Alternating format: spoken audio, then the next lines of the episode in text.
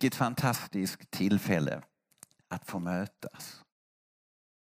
Jag vet inte om ni säger Norge, men i Sverige säger vi jag ska gå på möte. Säger ni det i Norge? Ja. Jag ska gå på möte. Då brukar jag säga, vem vill du möta? Har du kommit hit för att träffa vänner? Det är väl härligt? Men tänk om vi får den stora dimensionen. Jag ska möta Jesus.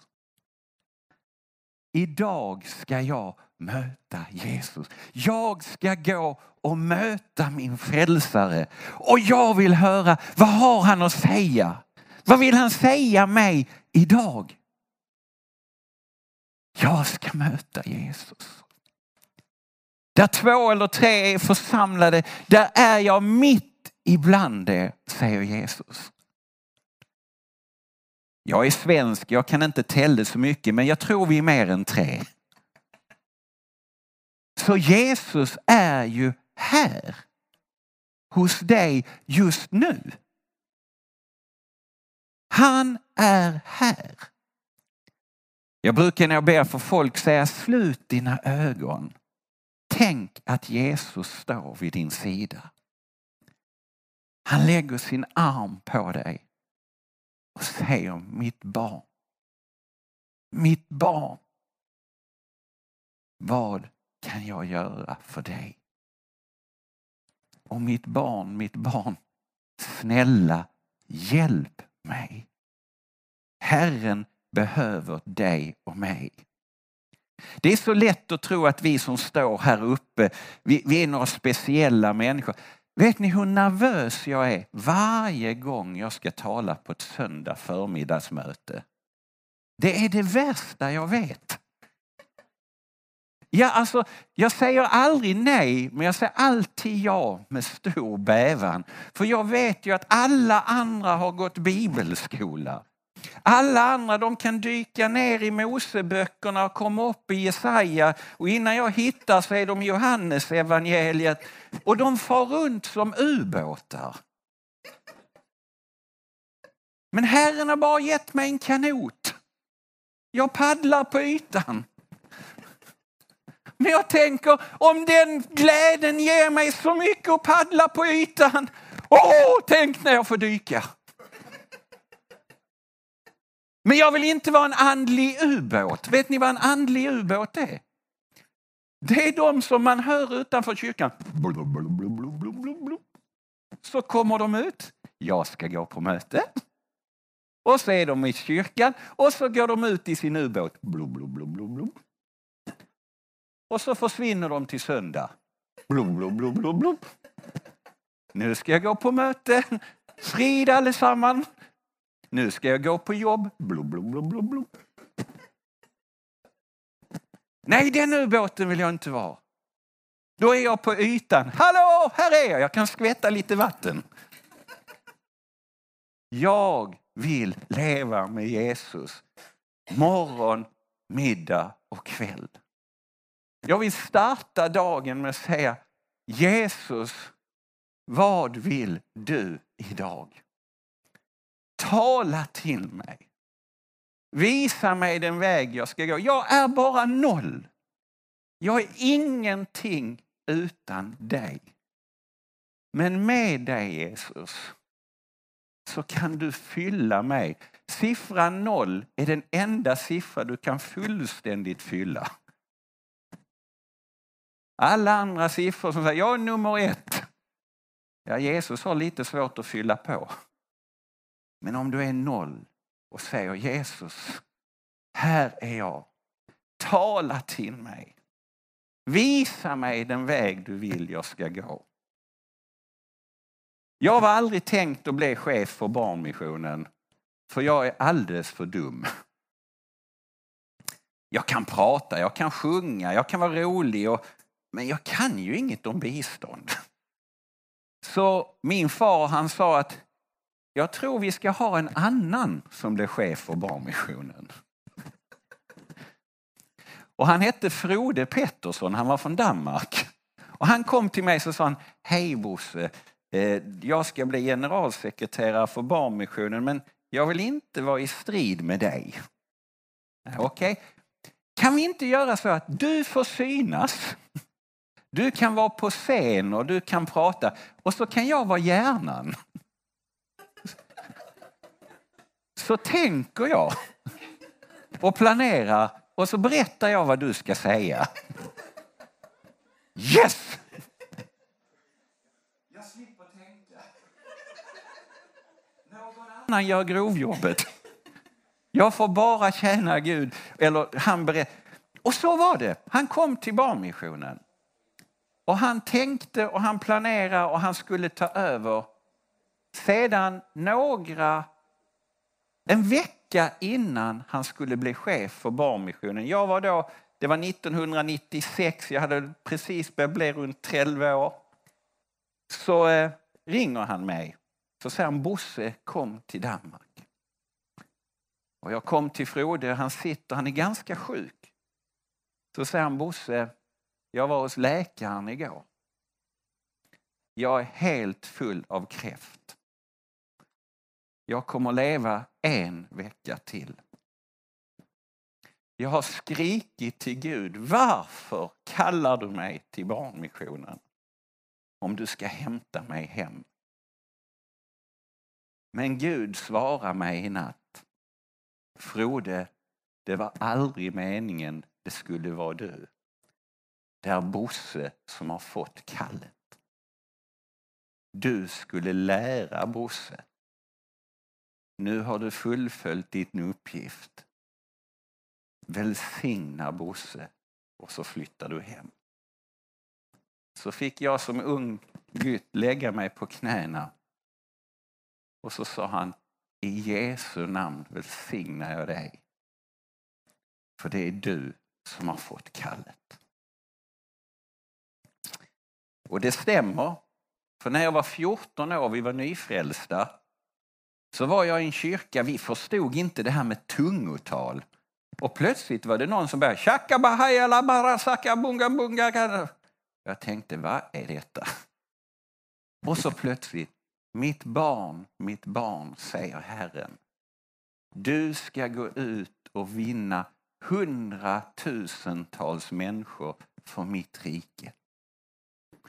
Och jag gick hem till min far och sa, pappa, Ehm, det var en man, han, han, kunde inte ens förstå vad han sa själv så det var någon annan som fick berätta.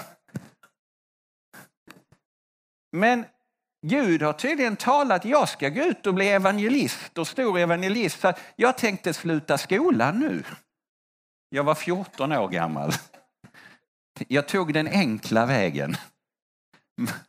Men min far sa nej, nej, nej, nej. Om det är från Gud skall han bekräfta.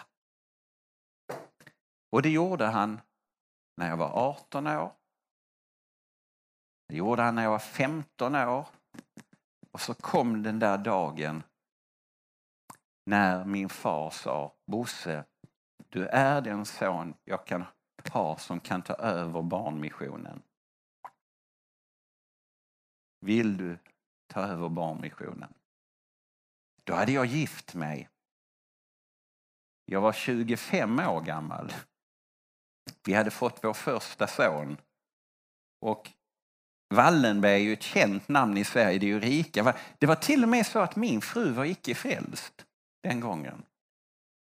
Jag hade mött henne i en period i mitt liv då det gick lite upp och ner som det kan göra ibland. Och jag tänkte bara nu kallar Gud. Och här står jag med en ofrälst fru. Det går inte. På natten vaknade jag och grät. Tårarna spruta. Jag tog min bil, gick ut och körde och sa Jesus, jag vill tjäna dig, men jag kan inte. Jag körde ner till havet. Jag satt och tittade ut över havet. Och jag skrek ut Jesus, jag vill tjäna dig. Men jag kan inte. Sen åkte jag hem och la mig.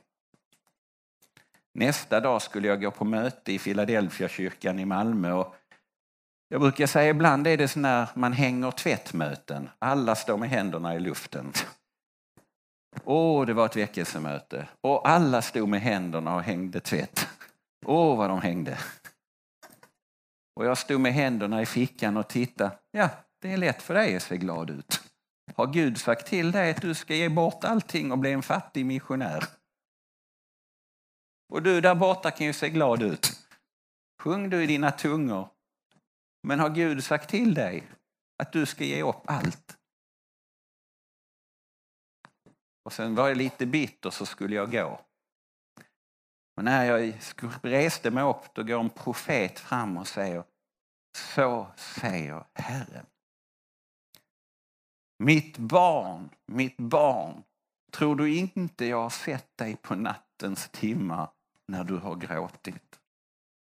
Mitt barn, mitt barn, tror du inte jag såg dig igår när du körde runt i din bil och du skrek ut mitt namn?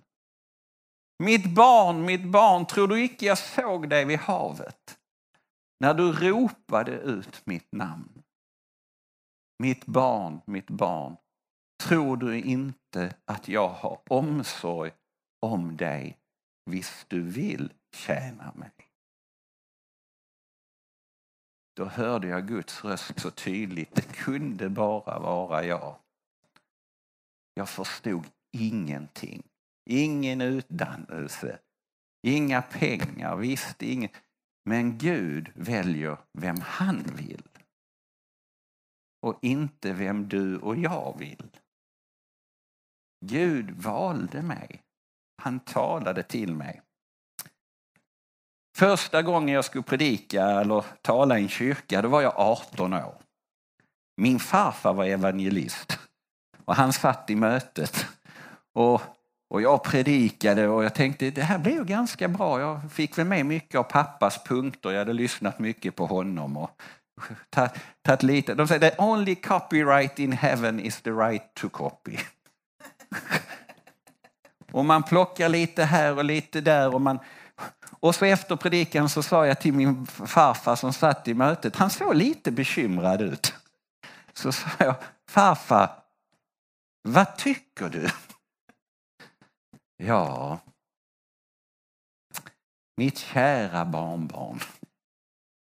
Låt mig få säga en sak. Läs alltid ett Guds ord när du predikar. För då får ju i alla fall folk någonting med sig hem. För Guds ord går aldrig fel. Men, vi människor, vi kan gå väldigt fel. Så det var min, och därför har jag alltid efter det tänkt att även om ni tycker att han är ju inte riktigt klok eller någonting, ni får med er lite Guds ord. Så jag följer farfars råd. Ett bibelord som har följt mig hela mitt liv. Det är från Jesaja 6 och 8. Och jag hörde Herren tala. Och han sa, vem ska jag sända? Och vem vill vara budbärare? Och jag sa, Herre, här är jag, sänd mig. I våra kyrkor idag så är det mycket Herre, här är mina pengar, sänd någon annan.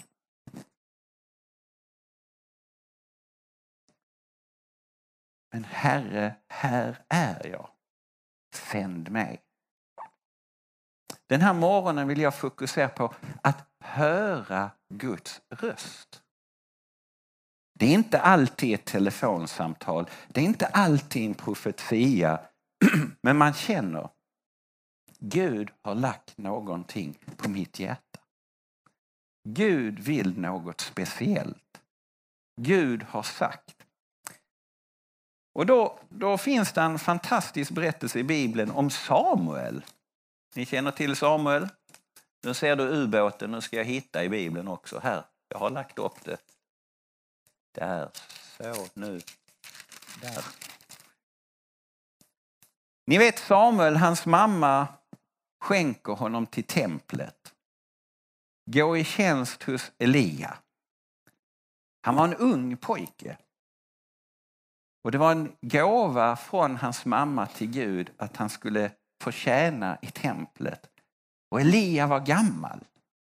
Han började se dåligt, han började höra dåligt. Och det var också en tid då Gud inte talade så mycket, står det. Jag ska läsa. Så gjorde nu den unge Samuel tjänst inför Herren. Det är första Samuelsboken, tredje kapitlet. Under Eli. Och Herrens ord var sällsynt på den tiden och profetsyner var ovanliga. Då nu en gång Eli, vars ögon hade börjat bli skumma så han inte kunde se, låg och sov på sin plats innan ännu Guds lampa hade slocknat och medan också Samuel låg och sov hände det sig i Herrens tempel där Guds ark stod att Herren ropade på Samuel. Denna svarade, här är jag. Därefter skyndade han sig till Eli och sa, här är jag. Du ropade på mig. Men han svarade, jag har inte ropat, gå och lägg dig. Och han gick och la sig. Men Herren ropade ännu en gång på Samuel och Samuel steg upp och gick till Eli och sa, här är jag, du ropade på mig. Men han svarade, jag har inte ropat på dig min son. Gå och lägg dig. Samuel hade nämligen ännu inte lärt känna igen Herren och ännu inte någon Herrens ord blivit uppenbarat för honom. Men Herren ropade åter på Samuel för tredje gången och han steg upp och gick till Eli och sa, här är jag, du ropar på mig. Då förstod Eli att det var Herren som ropade på ynglingen. Därför sa Eli till Samuel, gå och lägg dig. Om han vidare ropar till dig, så säg, tala Herre, din tjänare hör. Och Samuel gick och la sig på sin plats. Då kom Herren och ställde sig där och ropade som förra gångerna Samuel, Samuel! Samuel svarade Tala, din tjänare hör. Sen står det, vi ska ta ett bibelord till, sen blir farfar lycklig. Jakobs brev 1 och 22. Bli ordets görare, inte bara dess hörare. Det är ju en sak, först och främst, jag skulle uppmana dig idag på denna gudstjänst att säga Herre, tala till mig. Din tjänare hör. Herre, tala till mig. Din tjänare lyssnar och hör. Det finns så mycket runt omkring i vår värld att man glömmer bort varför vi gick på möte. Vi gick på möte för att möta Jesus. Tala, Herre, din tjänare hör. Men jag inte bara hör, jag gör. För Herren kan ju tala, när, om han talar till dig och säger, vet du vad? Du kommer att bli välsignad med en ny Mercedes. Halleluja! Oh, jag ska få en ny bil. Det är härligt när Jesus talar. Men så kanske det är något som skaver. Det skavde ju för Samuel, för vad Herren sa till Samuel var att Elia skulle få straff. För han inte hade lytt Gud. Och det skulle den här lilla pojken frambära till store Elia. Han ville ju inte. Men Elia som var en gudsman, han sa Säg vad Herren har sagt. Missa inte ett enda ord. Jag vill veta allt. För Herren är Gud. Honom förtröstar jag på. Jag kommer ihåg en gång, det är många år sedan nu, min pappa låg för döden. Vi tog hand om en liten flicka som hette Eva Kononova från Ukraina som var hjärtsjuk, som vi opererade på Lunds universitetssjukhus. Hennes hjärta sprack. Jag hade samlat in, jag var ju ung fortfarande, samlat in 700 000 kronor till operationen. Men nu ville de ha två miljoner kronor, annars stängde de maskinen hon skulle dö. Samtidigt fick min bästa väns fru cancer. Och barmissionen brann ner. Det var en tuff tid. Men jag ringde till Ludmilla och sa Ludmilla, kan du ta en böneduk? Ta den till din kyrka, för jag litar på din församling. Be församlingen och be för dessa tre bönedukar. En böneduk till pappa, en böneduk till Sussi, en böneduk till Eva. Och sänd dem till mig med posten. Och Ludmilla gjorde så och så ringde hon och så sa hon Bosse, jag har något att berätta.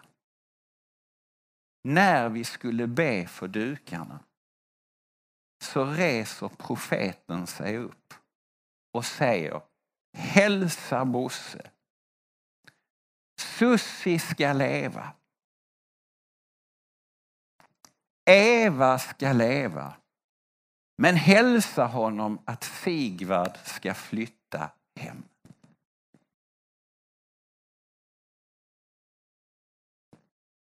Hur frambär man det till sin pappa som kämpar för att leva? Hur säger man till sin far, du skall inte leva? Herren har bestämt att du ska flytta hem.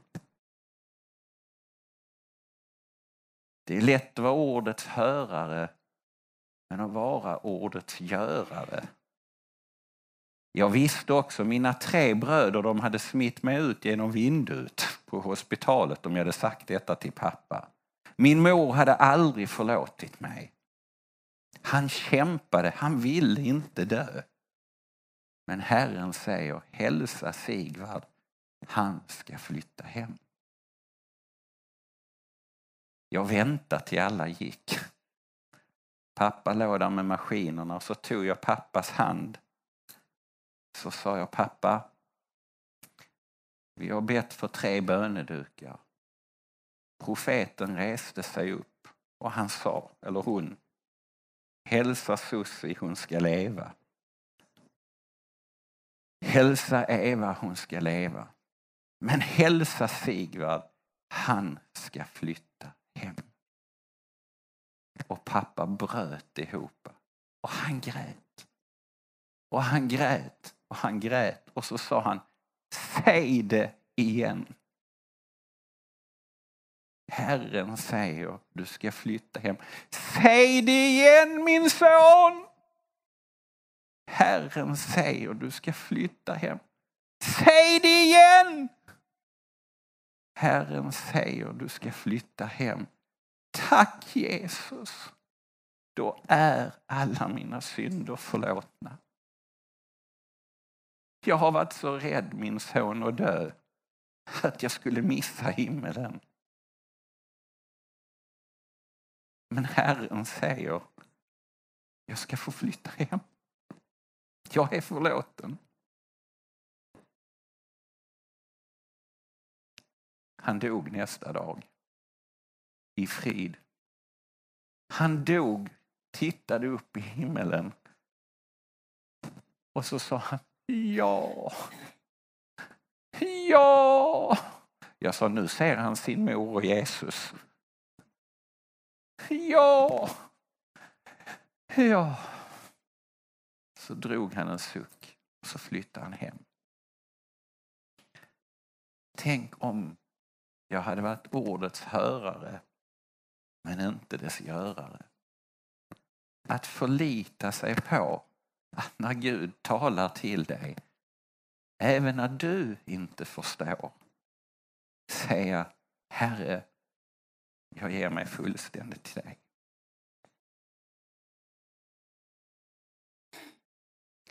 Ta hand om mig, ta hand om mitt liv. Tiden löper och jag ska gå ner för landning.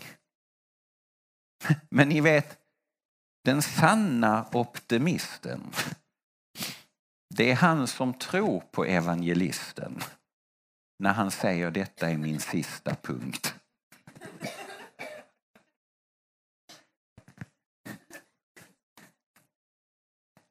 Eh.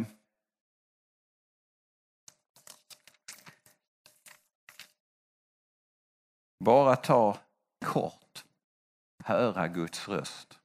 Jag ska landa i när Gud sände mig till Ukraina och varför vi har mötts. Barnmissionen 1990 när jag började var i fullständig katastrof. Vi jobbade i Filippinerna bara. Men vi, vi hade stor ekonomisk kris i Sverige så regeringen sa att valutan ska vara flytande. Men den sjönk. Den flöt inte. Samtidigt gick dollarn upp 50 procent och plötsligt hade vi tappat 50 procent av alla pengar i Barnmissionen och kunde inte bedriva vårt jobb i, i Filippinerna. Jag har precis börjat i Barnmissionen. Jag har varit någon vecka i, i Filippinerna och sett arbetet. Kommer hem så ringer telefonen och så och jag tar den och säger Ja, hallå Barnmissionen. Är det Bo Wallenberg? Det var en finlandssvensk. Ja, jo. Mitt namn är Mirja Adolfi. Jag bara undrar, har du hjärta för Tjernobylbarnen? Och jag tänkte liksom, jag var 26 år, jag har hjärta för Tjernobyl, Afghanistan, Somalia och Nigeria och jag har hjärta för allt, men jag har inga pengar. När hon säger, för Gud har sagt att du ska hjälpa mig. Då stod håret på min nacke på armarna. Jag kände igen Guds röst. Jag hade hört den förr. För mig är det alltid så att något riktigt, det, liksom, det står i armarna, jag känner liksom det här var inte bara någon som profeterade för det var roligt utan det var verkligen från Gud. Men hur i hela friden, var ligger Tjernobyl? Vilket land är det i? Men jag sa du får komma till kontoret och hon kom och berättade om sin historia. Hon hade varit förlamad, hon hade haft MS, hon hade haft hjärnblödning, hon hade gått på bibelskola, hon hade varit någon rysk tolk för hon bodde i Karelien nära ryska gränsen. Och när alla andra från bibelskolan skulle iväg och jobba så satt hon i sin rullstol och sa Gud om du helar mig så ska jag hjälpa de ukrainska pastorerna som jag träffade. Och de bad för henne. Hon blev helad. Hon reste sig upp och tänkte, hur ska jag hjälpa dem? Jag vet ju ingenting. Jag måste be och fasta. Och hon bad och hon fastade och fick mitt telefonnummer. Och sa, Gud har sagt du ska hjälpa mig. Jaha, jag gick ner till min pappa och sa, jag ska resa till Ukraina. Nej, det ska du inte. Jo, sa jag, det vill jag. Varför? För Gud har sagt jag ska åka. Då berättade historien, så sa han, okej okay, åk, men lova dem ingenting. Nej, jag åker och lovar dem ingenting. Detta var ju 91, kanske 90-91. Och när jag åker flygplanet så brukar jag säga, jag hade en fågel här och en fågel där. En sa, Herren har sänt dig. Och den andra sa, det går fort för Mr Wallenberg. Kommer till Barmissionen för två veckor sedan och nu är på väg till före detta Sovjetunionen. Halleluja, du är duktig du. Och den andra sa, jag har sänt dig. Och den sa, det här gör du bara för du tycker det är roligt. Och så slogs fåglarna. Till sist blev jag så desperat så jag sa, Jesus, om du inte visar mig i Bibeln att du har sänt mig så reser jag hem. Sen öppnar jag Bibeln, hamnar i Predikaren 11 och 1. Sänd ditt bröd över vattnet. Ty i tidens längd ska du få det tillbaka. Och då flög vi över Östersjön.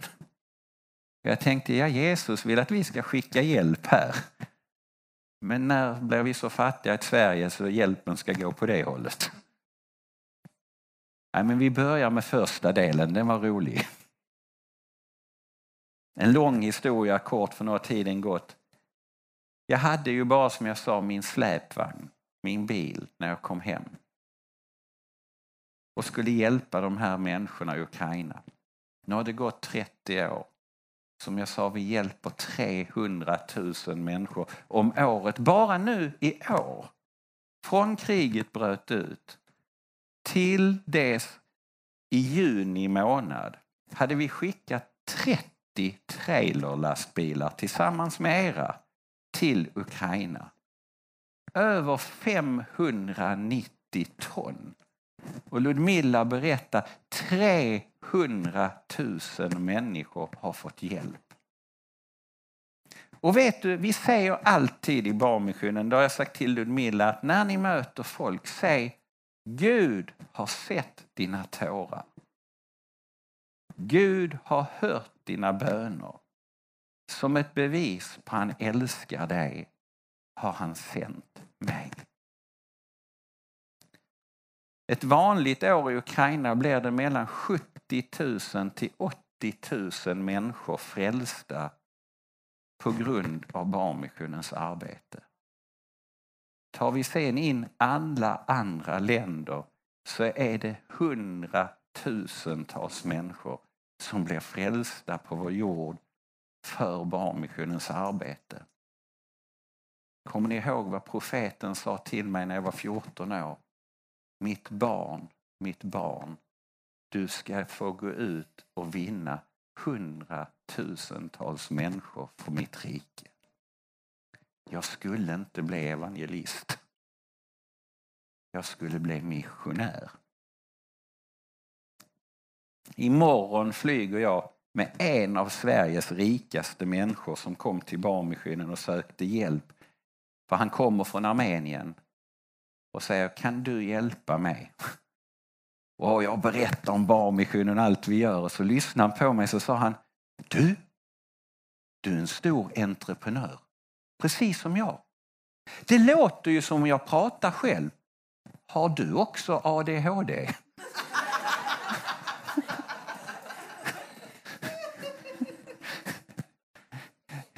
Jag sa, jag vet inte, för när jag var ung så fanns det livliga barn och det finns lugna barn. Och jag var livligt, sa jag. Men frågar du mig har jag alla bokstäver i alfabetet utan IQ.